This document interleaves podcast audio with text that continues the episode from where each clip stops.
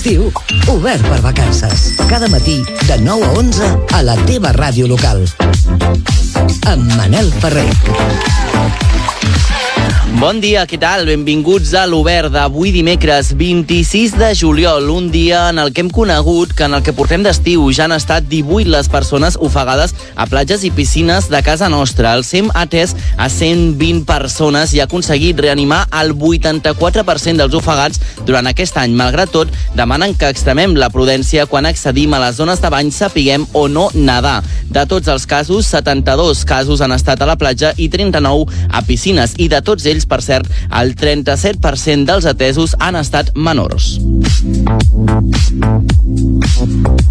I avui hem conegut també que la xifra de recollida selectiva a Catalunya s'ha estancat al 45%. L'any 2022, és a dir, l'any passat, es van recollir de manera selectiva 1.740.360 tones de brossa i la Conca de Barberà es converteix en la comarca que més recicla, seguida del Lluçanès, Osona i el Berguedà. A la cua, però, reciclant per sota del 27%, es troben la Vall d'Aran, el Baix Penedès, el Barcelonès, l'àrea metropolitana de Barcelona, el Tarragonès i també al Garraf.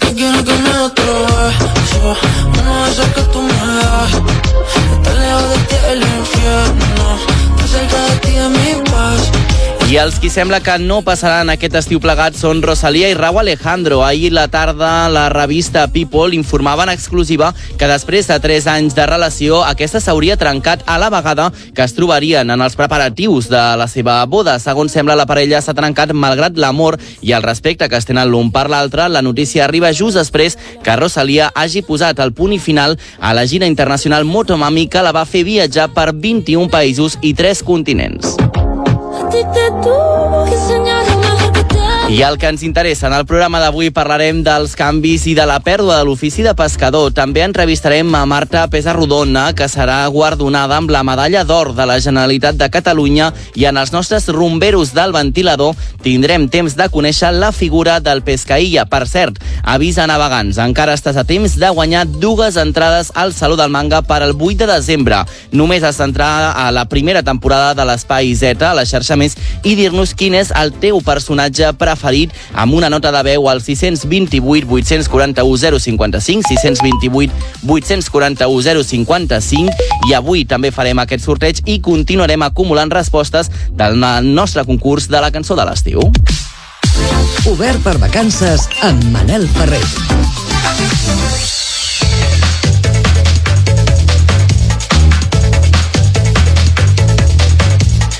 9 i 7, eh? Amb aquesta sintonia no sé per què em ve el cap com el Miquel Giol convertit en un personatge de videojoc corrents per la pantalla.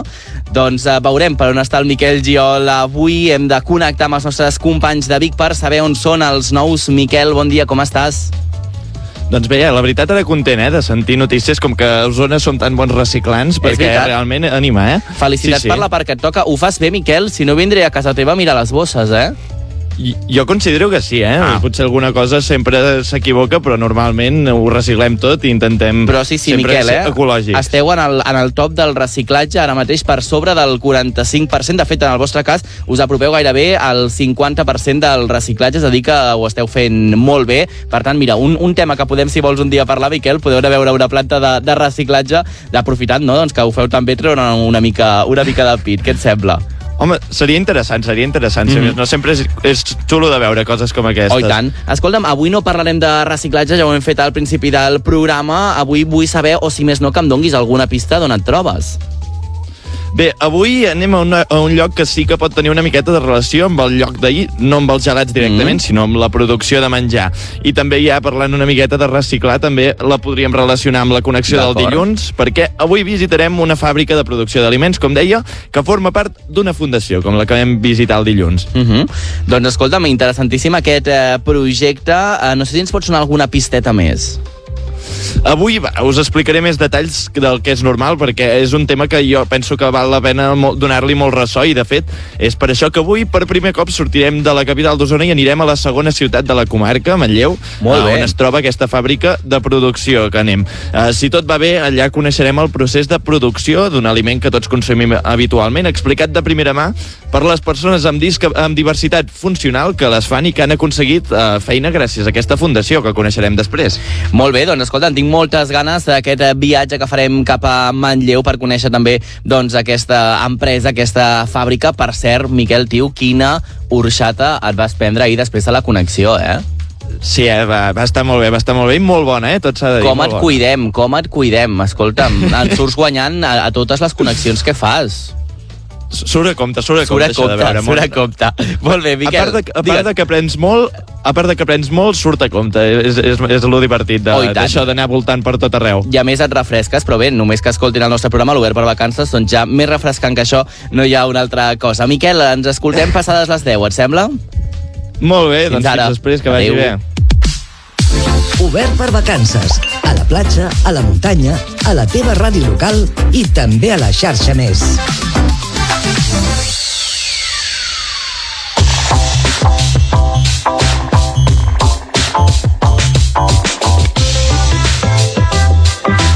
La pesca és un dels oficis més antics del món. Des del principi de la humanitat sempre hi ha hagut la necessitat d'anar a la caça dels peixos per alimentar-se, però en els darrers anys el sector ha patit una davallada considerable per factors com la brutícia al mar, les restriccions a la pesca d'arrossegament, que és considerada un perill pel medi ambient des d'Europa, i la poca motivació dels joves per dedicar-s'hi. M'ajuda en aquest tema, en aquesta entrevista, el nostre company Àngel Hernández. Bon dia. Molt bon dia, Manel. Com estem? Molt bé, i tu? Doncs aquí estem llestos per parlar de la pesca. No et faig gaire Doncs la- pescador a tu, Àngel, també t'ho dic, eh? A veure, ara potser em sorprens, però jo no et veig allà també de matinada, amb la canya, no ho sé. La veritat és que jo no, jo sóc més de banyar-me a la platja i després anar a la llotja a menjar-me els peixos. Però, com deien, un dels principals motius que han posat d'en peus al sector de la pesca és la mala qualitat de l'aigua.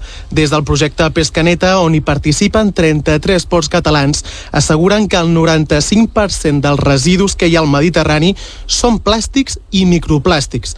Aquests afecten les xarxes, ja que es queden atrapats junt amb els peixos quan els pescadors les recullen, però també, Manel, molt important, també perjudiquen els mateixos peixos, perquè no és sorprenent trobar-se restes de plàstics dins seus. Tot i les restriccions a l'activitat pesquera d'arrossegament, aquesta és la segona més comuna a la pesca catalana. Segons el Departament d'Acció Climàtica de la Generalitat, en el 2022 es van recollir, atent Manel, mm. més de 7 milions de quilos de peixos Carai. per aquest mecanisme. Si bé és cert que a molta distància del principal, que és la pesca d'encerclament, amb més d'11 milions de, peix, de quilos de peixos. El port pesquer, una altra xifra, Manel, ja saps que a mi m'agrada molt donar Sí. xifres i dades als nostres oients, mm -hmm. és que el port pesquer més important de Catalunya és el de Barcelona, seguit del de Vilanova i la Geltrú, mm -hmm. i en tercer lloc completa el pòdium, atents, el de Tarragona. Doncs eh, tanca aquest pòdium Tarragona i avui per parlar sobre aquest assumpte tenim amb nosaltres el Ramon Costa. És un pescador jubilat de Badalona qui ha dedicat tota la seva vida a la mar. Bon dia, Ramon, com estàs? Molt bon dia, bé, bé, bé. Hem parlat justament de la pesca d'arrossegament i d'encerclament. En què consisteix cadascuna d'aquestes eh, modalitats? Bueno, són totalment diferents. Mm. Una és pesca de dia i l'altra és, doncs, és de nit. O sigui, el peix blau, la sardina, el saïdor, brat, coses així, és d'encerclament, i això ho pesquen les barques que surten. Mm -hmm. Avui en dia pues, es fa amb, amb sonars, radars i punyetes d'aquestes, i abans es anàvem amb llums. Segur que algú haurà vist quan surten barques amb, Sí. sí. amb, arrossegant una barca petita amb llums, que encara es continua fent, però vull dir, tot, avui ja es va més amb, amb radar, amb, mm -hmm. electrónica. Sí, doncs això és totalment diferent. I l'arrossegament són barques que surten a punta de dia, més o menys, i arrosseguen la xarxa a equits rato, o a equits temps, o a equits hores, i, i pesquen a l'arrossegament. O sigui, les diferències amb aquestes dues modalitats és aquesta. Després també, Ramon, eh, ens agradaria saber quines són les espècies de peixos que més es pesquen a la costa catalana. Segons el Departament d'Acció Climàtica, que abans havia esmentat també, les sardines i els saitons són els més abundants. Sí, o, o eren, o eren, eh? O eren, o eren. Sí, vull dir, això està en clara, en clara de, de ballada, i a més el, aquest peix cada vegada és més petit, o sigui, no, no té temps de créixer per motius que això els experts, i ara com que n'hi ha tants ho sabran, mm. eh, vull dir, experts en cua, en cua, que vull dir burros. Perdona l'expressió, però és que és així, perquè ara hi ha tants experts en tots els temes i no veig que no hi entenen gairebé res. Però bé, no és igual, no toquem aquest tema. Eh, m'has preguntat les espècies aquestes que es pesquen més es pot dir que sí, que sigui la sardina sobretot perquè és peix de, de, de mola. De mola vol dir una, van en manades van en grans grups. Uh -huh. i llavors doncs, aquests peixos eh, és clar, es pesquen per tonelades en canvi l'altre l'altre i dubtat i dubtat que és a la pesca d'arrossegament sigui que mati més peix que això. No, no ho crec gaire, però bueno els, els estudis són, són i aquí ara que som a l'estiu, eh, Ramon, ara a l'estiu quines són les espècies més comunes a les xarxes dels pescadors? Bueno, eren, eren. Eren, passem, Exacte. Parlem en passat, ara ja. Exacte, sí, sí, sí, es pot dir que sí. Perquè um, hi ha un tema que és molt, molt important, molt important, que és la qualitat de l'aigua. Avui en dia, per tenir l'aigua neta, es tiren molt de components químics a les depuradores mm. per tenir l'aigua neta i això mata el peix i això no es diu, no, no, no, no es parla d'això la, la qualitat de l'aigua però d'on ve la mala qualitat de l'aigua? Ah, pues per tenir l'aigua neta, si tiren components químics amb abundància per tenir l'aigua neta, que neta els nostres ulls, però mata el pH de l'aigua i els peixos moren, desapareixen espècies. Per què? Pues per això, Uh -huh. És per això, no és per la mala qualitat de l'aigua en si, en si, en si, perquè de l'orgànic que li tirem no passa absolutament res al mar. És, és els productes químics que fan mal. I si parlem en passat, uh, quines eren les espècies ah, que més es pescaven? Bé, bueno, doncs mira, ja que som aquí a Badalona, doncs et diré el que es pescava a Badalona. Es pescava molt de molls, rogers que també es diuen, van per tot, es pescaven llagostins, es pescaven bonitos, es pescava sardina... Bé, teníem una flota que hi havia gairebé unes quantes barques en cada modalitat de pesca. Mm. Avui en dia només hem quedat en quatre pesca, quatre barquetes artesanals i poca cosa més. O sigui que mm -hmm. abans es pescava gairebé de tot segons temporada. Temporada, doncs anem, hi havia les sípies, hi havia el llenguado, ara no, ara no, sípies on han anat els bonitos on són? Encara els busquem, ja fa 3 o 4 anys que els buscàvem, els buscàvem i no els trobàvem per lloc. Fixa't. I abans em, em feies la temporada. Uh -huh. O sigui, van desapareixent espècies, o no venen, o estan més llunyanes, o passen per l'altre litoral, pel, entren per l'estret, passen per, per l'altre litoral africà i van fent la migració i van fer el que sigui. Per aquí no passen. Ramon, t'has jubilat eh, fa dos anys. Eh, quan estaves al vaixell, eh, quin tipus de deixalla acostumaves a trobar-te i què és el més estrany que t'has trobat dins del mar?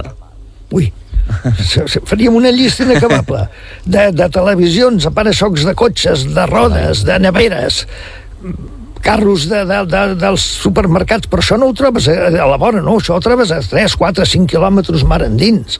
En tot un plegat et ve un trasto i dius, què és això? Mm. Un carro d'una compra.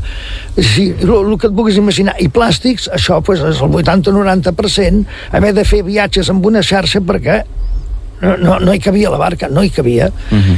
I Home, xarxes perdudes, eh? Perquè sí, sí. llavors ja no pots, no pots aclarir això. De fet, Ramon, ho explicava l'Àngel al principi d'aquesta connexió, que, clar, aquests peixos també mengen aquest eh, plàstic, sí. per tant, també es contaminen eh, totes aquestes espècies, clar. I tant, i tant. Home, doncs, els raps veners, per exemple, els, els netegem, els obrim, els hi traiem, mm. perquè el rap és un peix molt golafre i sempre menja, i té peixos mig païts, peixos acabats de menjar, doncs el neteges, no?, de cara a la venda, i hem trobat llagurs, llagurs a dintre, sencers, o sigui, en vasos, eh? no llagurs amb, amb, amb, hem trobat això, hem agafat alguna tortuga accidental viva, eh? Mm -hmm i arrossegant pelant dos i tres metres de plàstics entortolligats. I els hem tallat i l'hem deixat anar. I aquella tortuga ostres, no t'aplaudia perquè eh, podies agafar més velocitat nedant perquè arrossegar allò cada dia, cada dia allò la fatigava. Perquè és un peix lent i quan veu una cosa que surt es pensa que és un peix allà Clar. que ha dormit i se'l menja i ja està. I doncs molts peixos, els microplàstics de vegades es neteges i trobes alguna cosa grans i petits. Uh -huh. el, el microplàstic és molt, molt perillós ara. I això també és perjudicial per nosaltres perquè nosaltres ens mengem aquests peixos i aquests uh -huh. microplàstics passen al nostre sistema. Després també, Ramon, comentàvem abans d'aquesta connexió, és que vostè va començar en el sector de la pesca amb només 9 anys i fins i tot va haver de deixar l'escola, va haver de deixar el col·legi i els estudis per poder dedicar-se de ple a la pesca i així aportar diners a casa i mantenir l'economia familiar. Uh, vostè ha estat més de 60 anys uh, a la mar, dedicat, la, ha dedicat la seva vida a aquest ofici que malauradament, com comentaves, s'està perdent. Sí. Uh, vostè també té cinc fills. Sí. Els hi ha inculcat la passió per la mar? Hi ha algun fill que a hores d'ara és pescador com vostè ho va ser? Sí, n'hi ha dos i gairebé et vaig dir que m'arrepenteixo d'haver-los inculcat perquè abans la mar era passió, era vida no sé, allà, era romanticisme t'agradava volies que com arribaves a casa volies que, que fos l'endemà per tornar-hi avui en dia això cada vegada és més futur. Primer, pel desengany que hi ha, que cada vegada hi ha menys pesca, cada vegada més limitacions. O sigui, està, per mi, aquest rumbo que portem, com si fos un barco això, portem rumbo de col·lisió. Vol dir que d'aquí 8 o 10 anys la pesca a Catalunya desapareixerà més de la meitat de la que queda ara, que ja ha desaparegut molta però encara desapareixerà més. Uh -huh. No es pot aguantar. I la gent jove no vol anar a mar. Primer, els sous són molt baixos, molt baixos, hi ha moltes hores, perquè estem parlant d'una jornada de pesca com a mínim 12, 14 i 16 hores molts dies molts dies, 12, 14 i 16 hores, no 8. Me'n vaig perquè he fet les 8 hores. No, no. La barca està allà i estarà allà pues, 10, 12, 14 o 16 hores o les que calguin. I l'endemà tornem-hi. O sigui, la gent jove això no l'estimula, eh? Clar. I a més a més amb aquests sous que el que es guanya malament. Després també al principi hem esmentat que la Unió Europea ha posat en marxa diverses polítiques restrictives a la pesca d'arrossegament, Sí, ja que des d'Europa les consideren perjudicials pel medi ambient. Ens pots dir un, una mesura que, que afecta de manera negativa a la pesca? Bueno, la, en fi, la normativa ho és tota, perquè se la carreguen ara els arrastrers. No, no tenen tota la culpa ells, eh? Ells, potser ja, sí, les barques d'avui no són les d'abans, perquè abans barques eren petites, fèiem el temps, no sortien. Avui ha d'haver-hi un gran temporal perquè no surtin. Vol dir que vedes naturals pel mal temps no existeixen avui. Abans sí. I això pues, ja el mar es podia anar recuperant més perquè una setmana de temporal no es pescava. Avui en dia una setmana de temporal es pesca igual.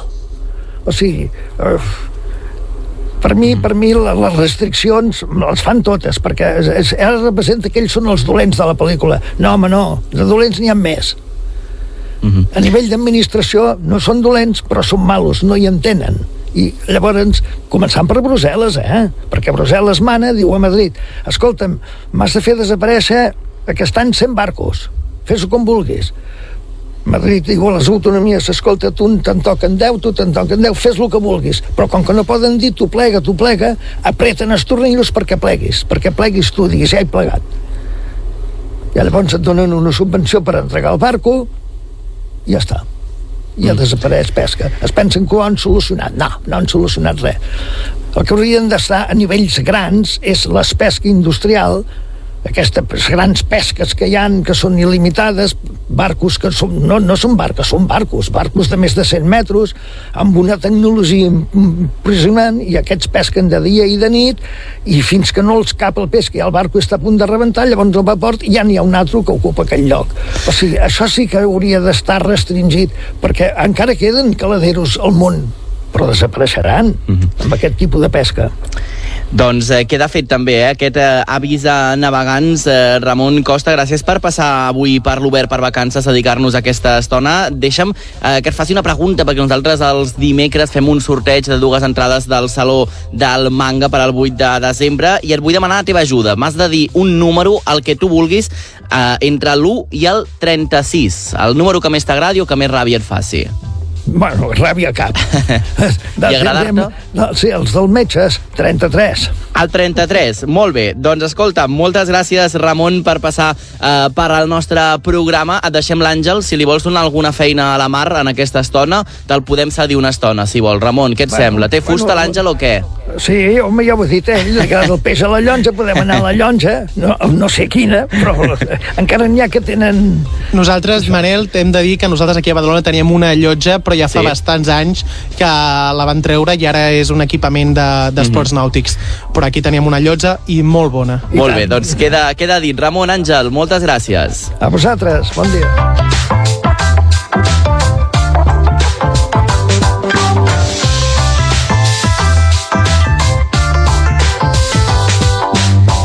Nosaltres seguim endavant apropant-nos a dos quarts de deu del matí. Sobre aquestes qüestions, sobre el mar, sobre la pesca, mirem quina visió en tenen Arenys de Mar. Ens ho explica el nostre company Josep Maria Cano. El port d'Arenys de Mar, com tots els ports pesquers, viu amb preocupació la lenta desaparició del sector pesquer del nostre país.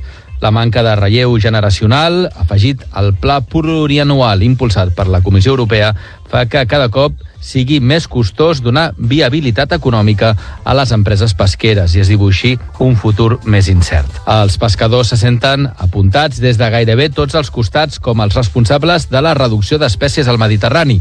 Antoni Marzoa és president de la Cofradia de Pescadors d'Arenys de Mar. Precisament els nostres pescadors sempre han sigut uns professionals molt curosos amb el recurs perquè precisament són els que millor el coneixen i són els que sempre han volgut que tingui una continuïtat perquè després els nostres fills puguin continuar vivint d'aquesta professió que sempre s'ha anat traslladant de pares a fills Mentrestant, el sector pesquer recull la brossa que llencem des de les poblacions i que va parar al mar i que contamina el fons de l'oceà. Iniciatives com el Pescaneta fan del sector pesquer indispensable, no només perquè ens abasteixen d'aliment de primera qualitat, sinó perquè ajuden a combatre la contaminació per residus. Obert per vacances. I a l'Obert ens agrada, eh, posar-nos rumberos perquè la rumba catalana, això no ho descobreixo jo, té un rei i ell és eh, Peret. Nosaltres avui eh, vam parlar la setmana passada i vam dedicar aquest episodi amb el nostre company Xavi Collado a Peret en el primer capítol del Rumberos a Ventilador, al podcast que posa en valor els grans noms d'aquest estil musical que és propi a Catalunya i que ha donat la volta al món. I si Peret era el rei de la rumba catalana, Antonio González, més conegut, segur ara us sonarà encara més, com el Pescaïlla n'era el creador. En el capítol d'avui sentirem la seva filla, Lolita, filla també de Lola Flores, una dona que des de la infantesa ha viscut al ritme de la rumba catalana.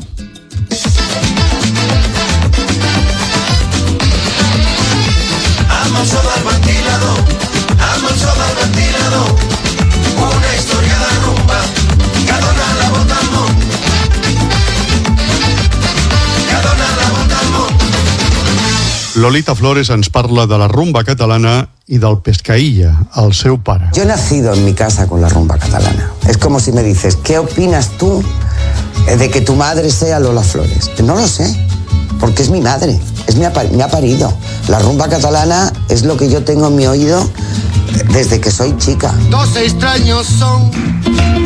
Yo a mi padre no lo puedo definir como rumbero gitano catalán. Mi padre era un señor gitano, libre, eh, que comulgaba con ciertas cosas de los gitanos, con otras no. De hecho, se fue de gracia muy joven, con 21 años. Vivió muy libre. Conoció a otra persona que era tan libre como él, que era Lola Flores. Y nos tuvieron a nosotros tres, que todos somos muy libres. Y nos han criado con mucho amor, con mucho respeto, pero muy libres. Mi padre no es el típico gitano rumbero catalán. Mi padre es un artista como la copa un pino, el músico de mi casa, sin equivocación. Creo que Lola Flores es un artista inconmensurable, pero en, en la vida de Lola Flores como artista hay un antes y un después. Es Lola Flores antes del Pescailla y Lola Flores mucho mejor con el Pescailla. Y los que saben de música y los que entienden saben que Antonio González Batista, el Pescailla, era un genio.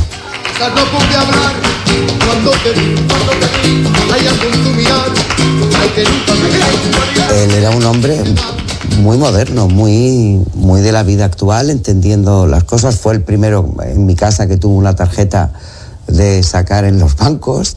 Eh, él se leía sus periódicos todos los días, estaba, veía sus telediarios, era un hombre que estaba muy al día y sabía muy bien también cómo estar al día de sus hijos, que íbamos creciendo en un mundo payo donde él se sentía muy a gusto. Para él lo más importante de su vida eran sus hijos. Y nosotros ya teníamos una edad que teníamos que tener un, un baremo, ¿no? Alguien que realmente nos, nos, manejara un poco y tuviéramos una entrada, una hora de entrada, una hora de salida, un respeto. Y mi, mi madre, al fin y al cabo, a Lola Flores le daban el mismo dinero trabajando con mi padre que sin mi padre. Y fue él el que decidió quedarse a un lado, cuidar de nosotros. Él trabajaba aquí en la Venta Gato, hacía sus cositas. Ah, de vez en cuando iba a las fiestas de Gracia y tocaba allí. Incluso hicieron un programa de Ángel Casas en televisión, Peret y él, los dos juntos. Pero él estaba muy centrado en su casa, en sus hijos. Nunca dejó de tocar la guitarra hasta el día que murió mi hermano. que ese día sí la dejó y nunca más. La tocó un año antes de morirse, después de cuatro años. Y era un gitano muy, un gitano muy señor, como dice mi hermana en la canción, ¿no? con un inglés muy catalán, pero de una forma de vivir muy libre, con mucho amor y con mucho respeto hacia los demás. Quizás no pude hablar cuando te vi. Hay algo en tu mirar que nunca vi. Silencio sin piedad en vez de amor. Y cuando quise hablar, alguien cantó. Mi padre cogió un día la guitarra porque la cogía de oído con 12 años, 11. Mi abuelo la- lo escuchó y le dijo, tócame por soleá, ¿sabes? Tócame por seguirilla, ¿sabes? Pues ala, ponte un traje de tu hermano y a trabajar. Y con 12 años se lo llevó a trabajar a los tablaos. Te quiero decir, mi padre llevaba hecho los dientes con la guitarra. A él le gustaba el cine negro y la guitarra. Mi padre era un lord inglés. Y de hecho me dicen sus amigos los que ya no se han ido, ¿no? Porque mi padre ya tendría mucha edad, pero que mi padre iba por Barcelona como un inglés, camisas de seda de toda la vida. A lo mejor no tenía para comerse un bocata, pero sí para hacerse una camisa de seda natural color crema con sus iniciales y un paraguas, lloviera o no lloviera. Y la corbata siempre negra. Porque Dios te hizo Lola más bonita que a todas ellas. Se está muriendo de envidia las flores, las estrellas y la marbella. Porque Dios te hizo Lola más bonita más que a todas ellas. Han puesto en tus cabellos rayos de luna. En tu mirada Si un artista canta rumbas y le acompañan los palmeros, se llama rumbero. Pero si además se acompaña al piano, entonces se llama chacho. Usted abusó.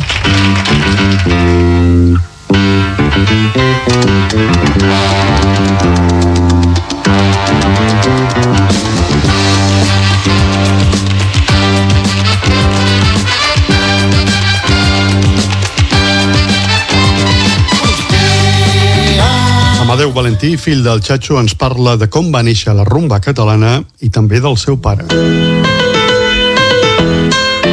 va néixer de la mà del senyor Pedro Puig Calaz, el nostre paret, i va néixer de Josep Maria Valentí Guerra, el Chacho, que era mon pare. Yo no vendo mi jaca por nada del mundo que me la ha regalado mi tío Facundo. Arriba con él, rumba gitana. Gitanos eh, eh, havien viatjat amb els 50 eh, per tota Sud-amèrica i van portar un ritme, un ritme que sí que era latino, que era, era salsa i era bolero i era tot això, no? I, i aquestes rels, les dues rels, es van fusionar.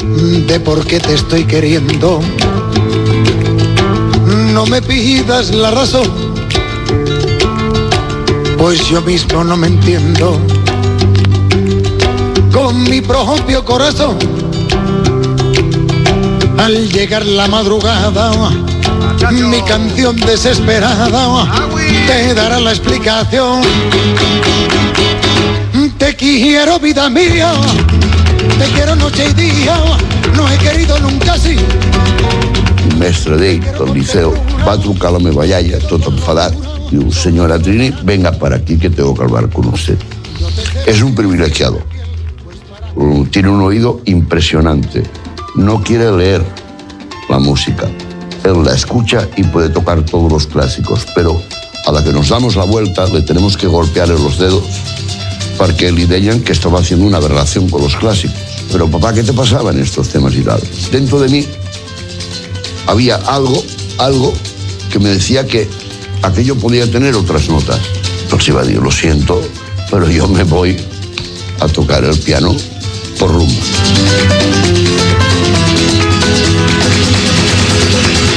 Gitana de verde oliva, gitana de cobre verde, dime por tu madre, dime a mí de dónde viene. Que la escuchen, que la bailen, que se emborrachen de rumba catalana y con la rumba catalana. Amanso del ventilador,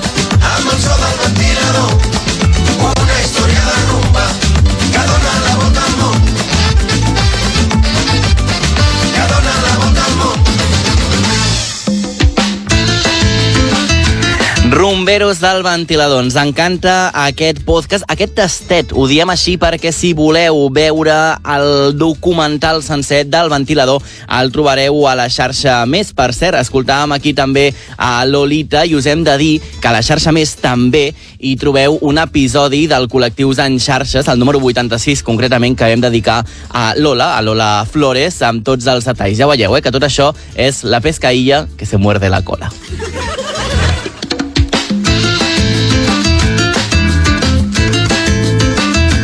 Sintonitza Obert per Vacances.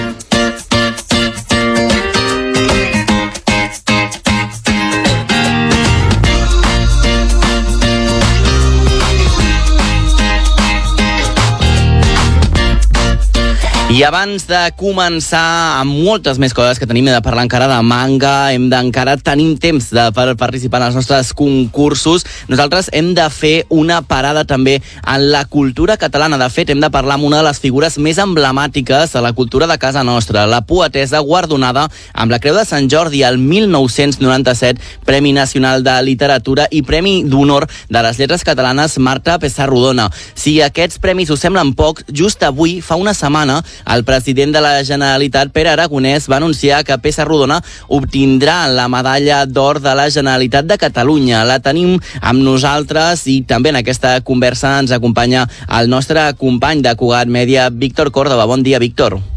Molt bon dia, Manel. Com estem? Molt bé, amb moltes ganes de parlar amb la Marta, a la que també la volem eh, saludar. Com estàs? Benvinguda a l'Obert per Vacances. Eh, Bon, eh, bon dia, bon, bon dia a tothom, bon dia a tothom. M'agrada molt començar amb rumba catalana.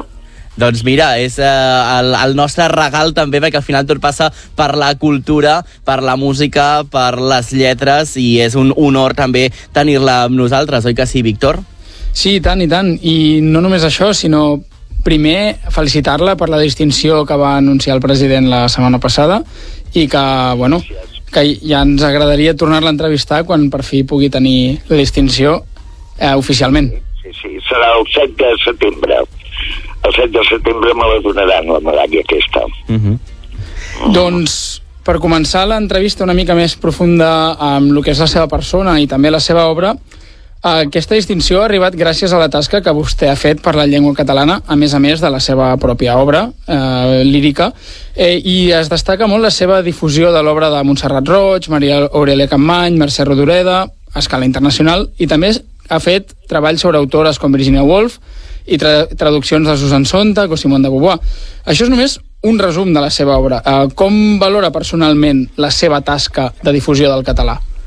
Bé, bé jo crec que mm, to, tothom que m'escolti de bona fe català i tal es mereix tant la medalla com jo. Mm -hmm. Això per començar.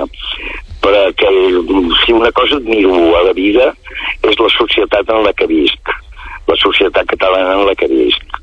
Vull dir, crec que la societat civil catalana és el gran, el gran valor que tenim tots plegats.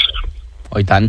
Sempre se la reconeix molt per aquesta tasca, però malgrat que va guanyar el Premi Nacional de Literatura pels poemes d'animals i plantes i els assajos de França al 2010, ha arribat potser a sentir en algun moment que la seva obra eh, lírica ha estat també poc valorada en alguns casos? No, no, no, en absolut. Mm. Crec que està valorada i estic molt agraïda perquè allò de que nadie és profeta en su tierra, doncs no és veritat. Vull dir, en el cas, eh, vull dir, em sento, no em queixo gens, no, no, no em sentiràs mai queixar-me. Us puc demanar una cosa? Oh, i tant, oh, i tant. Clar que sí. Pues no em digueu poetesa, digueu-me poeta. Poeta. D'acord. Eh, que, com que cap en va, jo sempre dic Ah. que de la mateixa manera que eh, el dia, és a dir, el dia que d'un atleta en plural en diguin atletesos, jo em deixaré dir poetesa, però eh, poetesa em sona una mica cursi, no sé. Recordo aquella gran novel·la del Vicalonga, la, l'Aina Cohen del Vicalonga, i és un personatge una mica ridícul i tot plegat. Eh, per tant, m'agrada més poeta, saps? Mm. Si em dieu poeta, us estaré molt agraïda. Uh, Manel, amb aquest tema Sí. de, del masculí i el femení, teníem una pregunta interessant, crec, a fer-li a la senyora Pessarrodona. Mm -hmm. Sí, justament això és per si algú no ho ha apreciat, tant les seves obres sobre altres autores com la seva literària van molt focalitzades en el paper de la dona i el que és la dona. Quina importància té per vostè també la dona, el paper de, de les dones en el missatge que vol transmetre? Bé, té, jo, jo dic que sembla que ja vaig néixer feminista, diguem, Mm. perquè com l'any 1960 ja vaig rebre una carta eh, escrita a mà, a més, de la Simone de Beauvoir, contestant una de meva que havia enviat a la seva, a la seva eh, editorial a París, Gallimard. Eh, per tant, ja, ja vam dir de molt lluny, no? Vull dir, sí, soc feminista i encara ho soc, ho he estat, ho soc, i em sembla que moriré sent tu. Molt bé, doncs ens agrada sentir-ho també, eh? perquè cal justament doncs, que figures eh, tan representades com, com la seva doncs, siguin feministes i també doncs, portin a, a les dones per, per bandera, clar que sí. Víctor. Sí, tant, Manel. I és que hi ha un altre aspecte, bueno, com hem dit, hi ha dos aspectes sobretot molt destacats de la seva, de la seva obra, el feminisme i el catalanisme, i volíem preguntar-li també quin creu que és l'estat actual de la llengua catalana, com, com veu que està la situació actualment. Home, sempre és problemàtica. Fins que no siguem eh, una nació on taca el mapa, jo he anat a molts congressos internacionals d'aquests que quan demanes la paraula has de dir qui ets. I jo sempre deia, soc fulana de tal, vinc d'un país que no té taca al mapa, no es diferencia, però és un país, tenim una cultura, i precisament mm, jo crec que, que vull dir, eh, tenim gent que escrivim en llengua catalana tenim i sí, en especial per la poesia tenim gairebé l'obligació d'intentar almenys intentar-ho ser molt bones perquè tenim uns precedents boníssims.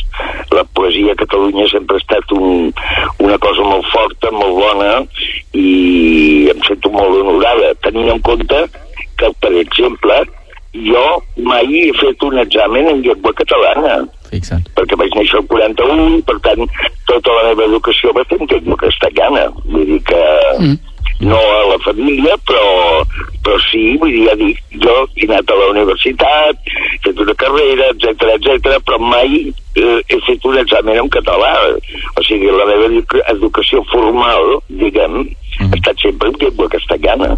Clar. De fet, ara ens trobem, Marta, que amb governs autonòmics, com per exemple el de València o a les Balears, eh, s'està retallant l'ús de la llengua catalana i, a més, també a Catalunya doncs, els partits purament catalanistes han patit una gran patacada a les eleccions generals. Creus que tota aquesta feina feta per persones com vostè a favor de la llengua catalana, de l'ús del català, està cada cop més en perill també a causa de la situació política que estem visquent? No, no ens, és que mai ens podem adormir. Mm. Si més no, mm, diguem, ara mateix, no? Mai ens podem adormir. Hem de defensar-ho amb molta força, eh? però estic disposat a fer-ho, diguem. A- Aquesta precisament era una de les, de les preguntes que ens queden. Uh, vos, vostè es veu amb moltes forces de seguir aportant en aquests àmbits de la llengua catalana i el feminisme? Es veu amb, amb ànims de seguir, de seguir fent la feina que fins, fins ara? Sí, sí, sí, sí, sens dubte, sens dubte. Dir, vaja, espero tenir prou de salut com per fer-ho fins al final de la meva vida. Sí, sí. Doncs eh, ens eh, n'alegrem molt també de sentir això perquè falten també eh, figures com, que com consti que aquestes. sempre jo reivindico que la meva segona llengua sempre serà la castellana, eh?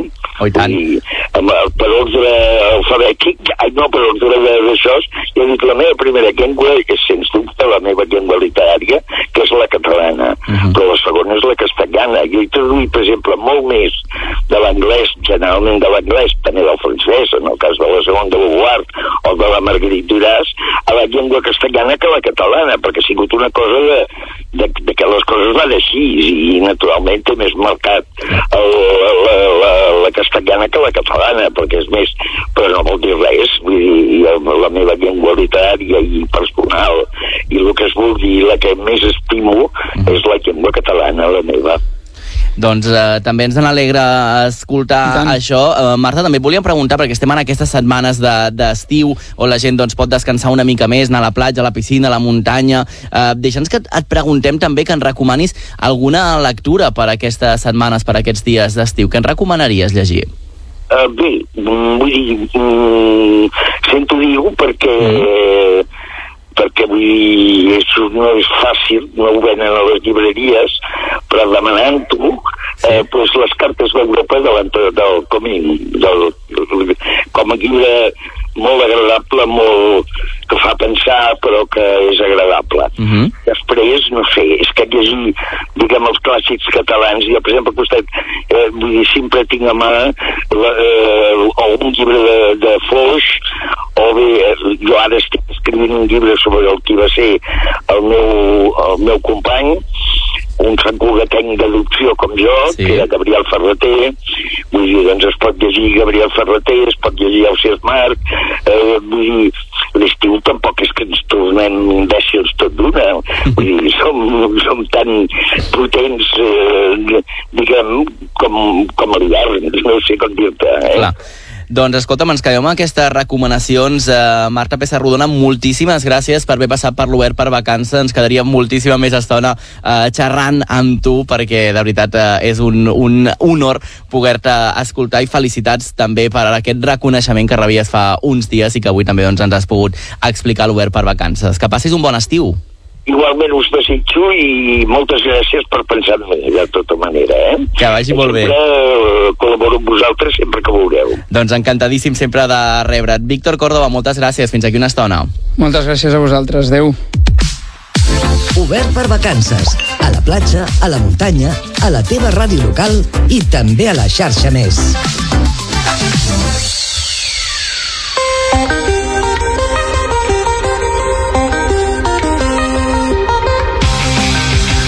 Quarts a 10 del matí. Això és una festa radiofònica perquè anem d'una cosa a l'altra i no ens aturem, eh? Us agrada el voleibol a vosaltres? Avui a l'Espai Z ens entraran ganes de rematar, col·locar i de servir pilota. Parlem amb el Haikyuu, un manga, parlem de Haikyuu, un manga i anime que ens eh, ha portat a practicar aquest esport en català. La Mercè Mainer de Ràdio Vilafant, ho dirà molt millor que jo, ja té la pilota i el salt a punt. Mercè.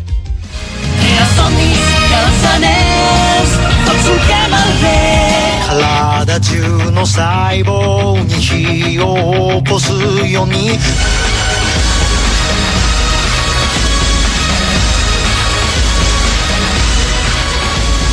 Avui a l'Espai Z practicarem esport i és que avui us volem parlar d'espocons, les històries de manga i anime de temàtica esportiva.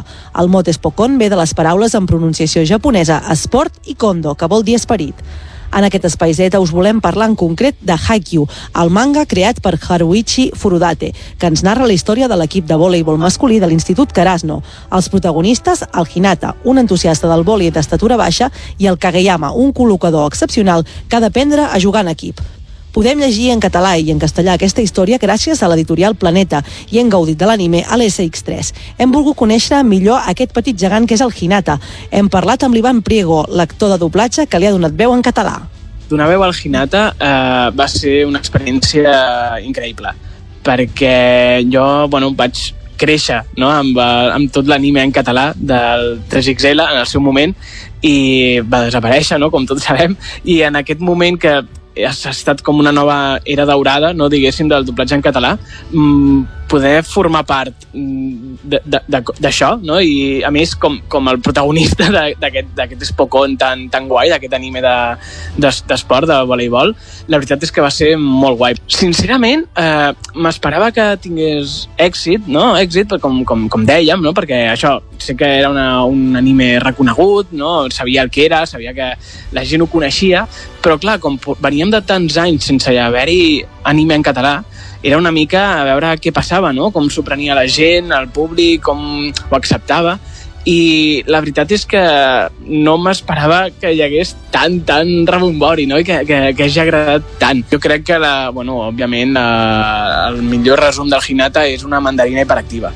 Eh, és un solete, és un tros de pa, i, i té una, una, un esperit i una força de, per superar-se a si mateix que, que jo crec que tothom hauria de tindre. I jo he après moltes coses de, del Hinata veient-lo i acompanyant-lo en aquest viatge d'aquestes quatre temporades que hem pogut fer. Però com a resum és un solete i una mandarina hiperactiva també em va comentar una... em van vindre a fer una entrevista des de TV3 i la noia que em va vindre em va comentar que, que els fills també d'una companya seva que s'havien apuntat arrel de veure Haikyuu perquè els havia encantat i tal i la veritat és que és una sensació molt guai perquè dius, bueno, sí, jo no he fet res realment però és molt guai veure-ho. Tant de bo, a veure la, les pel·lícules que queden per estrenar-se tant de bo arribin en català, creuem els dits, toquem fusta i jo espero que sí, que seria molt guai poder veure tots els nens del Carasno a, a la pantalla gran. Haikyuu ha tingut molt d'èxit en la programació de l'SX3 i això s'ha notat en el nombre d'equips de vòlei masculí que s'han creat gràcies a aquest anime. Ens ho explica la presidenta de la Federació Catalana de Voleibol, Maribel Zamora. Bueno, efecte Haikyuu és una realitat ja no només des d'aquesta temporada que ho ha començat a fer a TV3, diguem-ne, que va començar al setembre, eh, sinó que bueno, això ja fa un parell de temporades que està en plataformes d'internet i ja hi havia una onda, sobretot en vòlei masculí, relacionada amb la sèrie, no? I realment el boom sí que l'hem notat molt aquesta temporada a partir de la, de la retransmissió de TV3 de la sèrie, no? I això ha sigut ja un auge molt fort del vòlei masculí. Doncs, bueno, pensa que estem, en una, estem parlant d'un esport que federativament el percentatge de llicències masculines i femenines és d'un 75-80% de femení envers el 20-15% de masculí i perquè et facis una idea, la temporada 21-22 vam tenir un increment de 122 equips a la competició federada i d'aquests 122, 85 equips eren masculins. Amb la qual cosa realment quasi, quasi és que s'ha revertit el creixement, no? O sigui, estem creixent ara de manera estable en femení, però estem creixent d'una manera exponencial en masculí.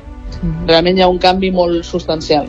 En el moment que vam saber que TV3 feia uh, Haikyuu, de seguida vam contactar amb ells per fer accions conjuntes de promoció, vam fer, de fet, un sorteig amb, amb tota la canalla de, de TV3 per fer participació en experiències amb equips de Superliga eh, de vòlei perquè poguessin els nens i nenes anar a tenir una experiència amb, amb els equips de Superliga tant a nivell d'entrenament com poder assistir a partits, no? I, i l'altre efecte també lligat al Haikyuu, quan vam veure també que, que Planeta Còmic agafava eh, el còmic de, de, de, de Haikyuu, també vam arribar a un acord i, i en el Saló del Manga vam tenir presència muntant dos pistes de vòlei dintre del Saló del Còmic, no? amb la qual cosa doncs, també va tenir la seva, la seva efervescència que lògicament l'estem aprofitant al màxim. No? Aquestes oportunitats per nosaltres són oportunitats i, i les hem d'aprofitar.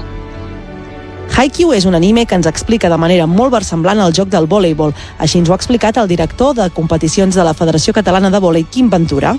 Vale, eh, doncs mira, la realitat és que l'anime de Haikyuu és bastant fidel a coses que passen realment en un camp de vòlei. O sigui, el joc tal com es descriu és, és real, és verosímil. L'únic que passa és que també obvia una part del joc, que són les serrades, gairebé mai s'equivoca ja, ja ningú, tothom fa grans passes i grans remates, molt bones recepcions, hi ha pocs errors i el nivell, la qualitat que són els jugadors, jo crec que és exagerat per una escola. O sigui, el, el que fan els jugadors de Haikyuu, el que es veu a la sèrie és alta dificultat. O sigui, rebre també és molt difícil, col·locar també és molt difícil i rematar tot extraordinàriament és difícil. Sempre es col·loquen bé sota la pilota, sempre ataquen i obren bé el braç, eh, la, la pilota del col·locador sempre va al seu lloc. Eh, això podria ser portar engany. Ara, jugar, sí que pots tenir una idea de jugar i què has de fer, com has de fer el primer toc, eh, però bueno, hi ha molt de, molt, amb, amb Haiki només eh, hi ha molt de feina després. L'esperit de superació, la voluntat d'aprendre el voleibol dels protagonistes de Haikyuu, com hem vist, ha contagiat a molts dels espectadors i lectors d'aquest manga. Una passió que de ben segur ha crescut a l'interior de tots aquells i aquelles que s'han llegit el manga o han vist aquest anime. Us deixem amb una de les frases d'aquest anime que demostra l'entusiasme del seu protagonista, el Hinata. Col·loca-me-la, Kageyama, col·loca-me-la.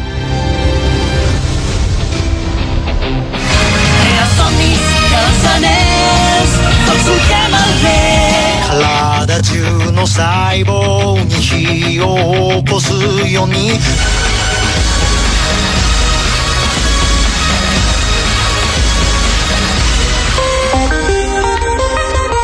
Obert per vacances, cada matí de 9 a 11 a la teva ràdio local.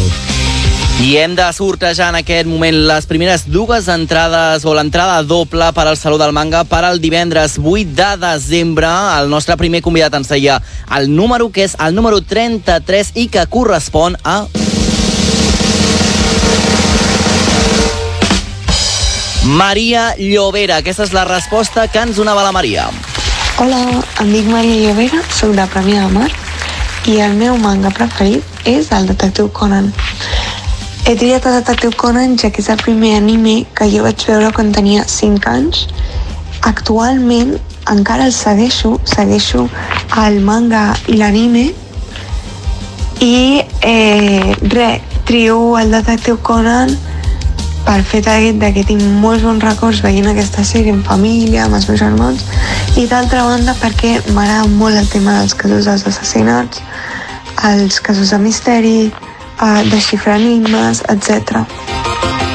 Maria, moltes felicitats.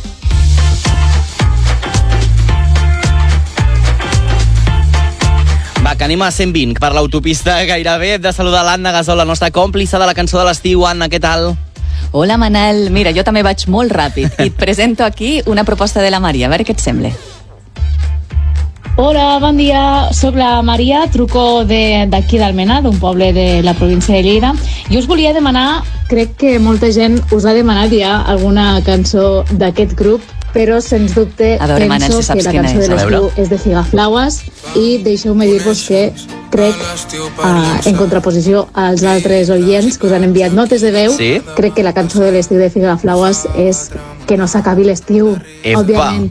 Ah. Gràcies, que vagi molt bé. Escolta, Mana, la Maria va a tope perquè es posiciona, però per ser la guanyadora, eh? I això ens encanta, que ens dongueu al·legats per ser guanyat, encara que després sigui un sorteig, eh? Uh, anònim i secret, però escolta, que us posicioneu, ens encanta. Anna, deixa'm dir ràpidament, si voleu participar en el nostre concurs a la cançó de l'estiu, 628 841 055, 628 841 055, el vostre nom, la vostra cançó de l'estiu i el per què, i entreu en aquest eh, sorteig dels 60 euros que s'afegiran a la vostra targeta client del bon preu Esclat. Divendres farem un nou sorteig amb aquest concurs de la nostra cançó de l'estiu. És molt fàcil, Anna.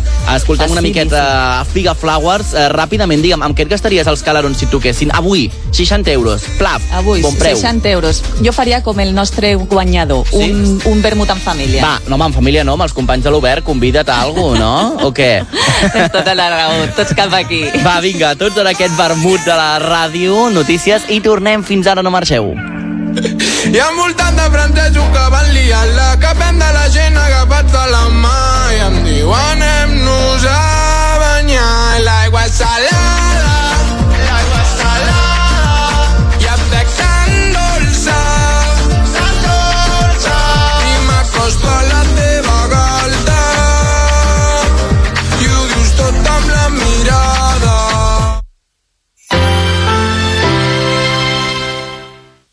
La xarxa de comunicació local. Propostes